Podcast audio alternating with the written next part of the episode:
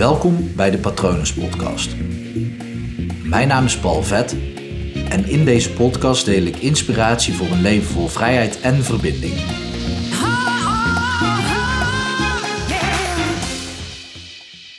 Eer de doden door voluit te leven.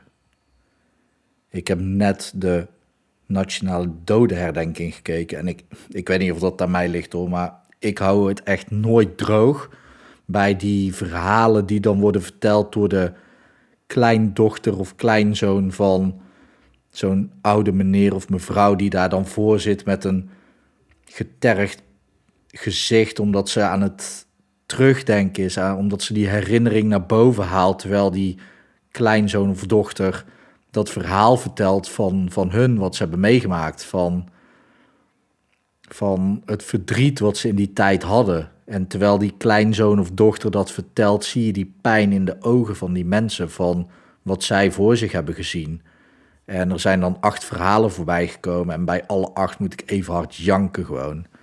echt gewoon diep, van diep binnen komt het gewoon. En dat heeft er gewoon mee te maken dat ik me heel erg goed kan inleven in de pijn van iemand. En dat, je kan het ook gewoon zien op die gezichten van die mensen.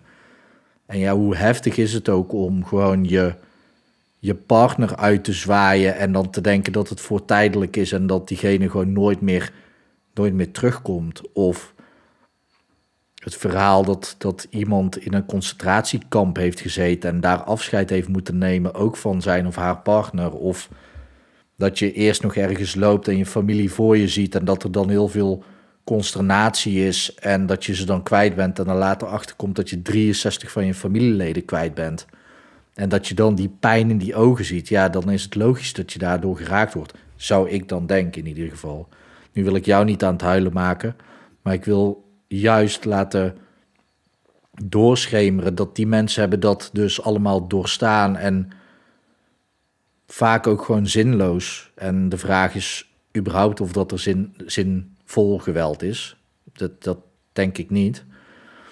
Maar die mensen hebben het leven gelaten en velen hebben gewoon gevochten om ervoor te zorgen dat wij nu het leven kunnen hebben wat we nu leven.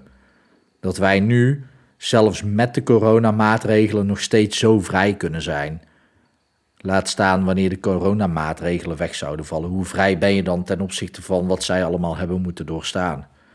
En ik geloof er daadwerkelijk in dat het beste dat wij kunnen doen is ervoor kunnen zorgen dat dat allemaal niet voor niets is geweest. Dat wij voluit leven, dat wij voluit het leven bij de ballen grijpen en, en genieten. En ervoor zorgen dat we er voor elkaar zijn en dat we, dat we, ja, dat we saamhorigheid creëren, dat we samen dingen kunnen oplossen. Dat er werd ook verteld dat, dat mensen zich niet gehoord voelden. Dat vertelde de koning. Dat het stapje voor stapje steeds verder ging en dat mensen werden weggevoerd, afgevoerd door, door ons land heen. En dat ze zich niet eens gehoord voelden met een woord, laat staan met daden. Het is natuurlijk niet helemaal waar, want er waren ook verzetstrijders. Maar laten wij ervoor zorgen dat wij allemaal verzetstrijders zijn en dat wij elkaar allemaal horen. Dat we luisteren naar elkaar voor elkaar zien zijn, vooral in deze tijd. En laten we dan het leven bij de ballen grijpen en gewoon het beste ervan maken. En het beste ervan maken, dat, dat is misschien een beetje een wollig begrip en ook een beetje saai. Maar ik bedoel echt, maak het beste van jouw leven. Jij hebt de kans gekregen om nu naar een aflevering van mij te luisteren. Dat betekent dat je ofwel Spotify hebt of dat je gratis op SoundCloud kan luisteren. Maar dat betekent dat je een apparaat hebt om dit op af te spelen ja, dan mag je gewoon heel erg dankbaar zijn. En dan heb je kansen genoeg om heel veel van je leven te maken. En in ere, of ter ere van die mensen die zijn overleden, zou ik je willen vragen om dat te doen. En misschien ook wel, misschien heb je ook wel dierbaren die je bent verloren. Ik ben mijn moeder verloren, ruim vier jaar geleden. En ik geloof er heel erg in dat het beste wat ik voor haar kan doen, zij heeft zich ingezet voor mij, om mij mijn gelukkigste leven te gunnen. En of dat de manieren die ze, hoe ze dat heeft gedaan, of dat dat de beste zijn geweest, dit bedoel ik generaliserend, dat, ja, dat doet er niet toe. Het was haar wens dat ik een fijn en gelukkig leven zou leiden. En nu is ze er niet meer. Dus om haar te eren, om. Ik, ik kan elke dag erbij stilstaan dat ze is overleden. Ik kan daar naartoe waar dat ze is uitgestrooid. Om haar te gedenken. Of ik kan gewoon iets moois van mijn leven maken. En ik geloof dat dat laatste haar het meest gelukkig zou maken.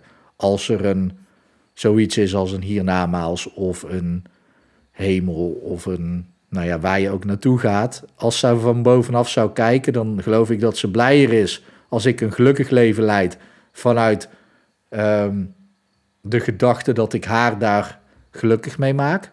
En vooral mezelf dus, dat, dat ik het mezelf gewoon gun om een fijn leven te leiden, dan dat ik elke dag ga, zou gaan zitten mijmeren op de plek waar dat ze is uitgestrooid.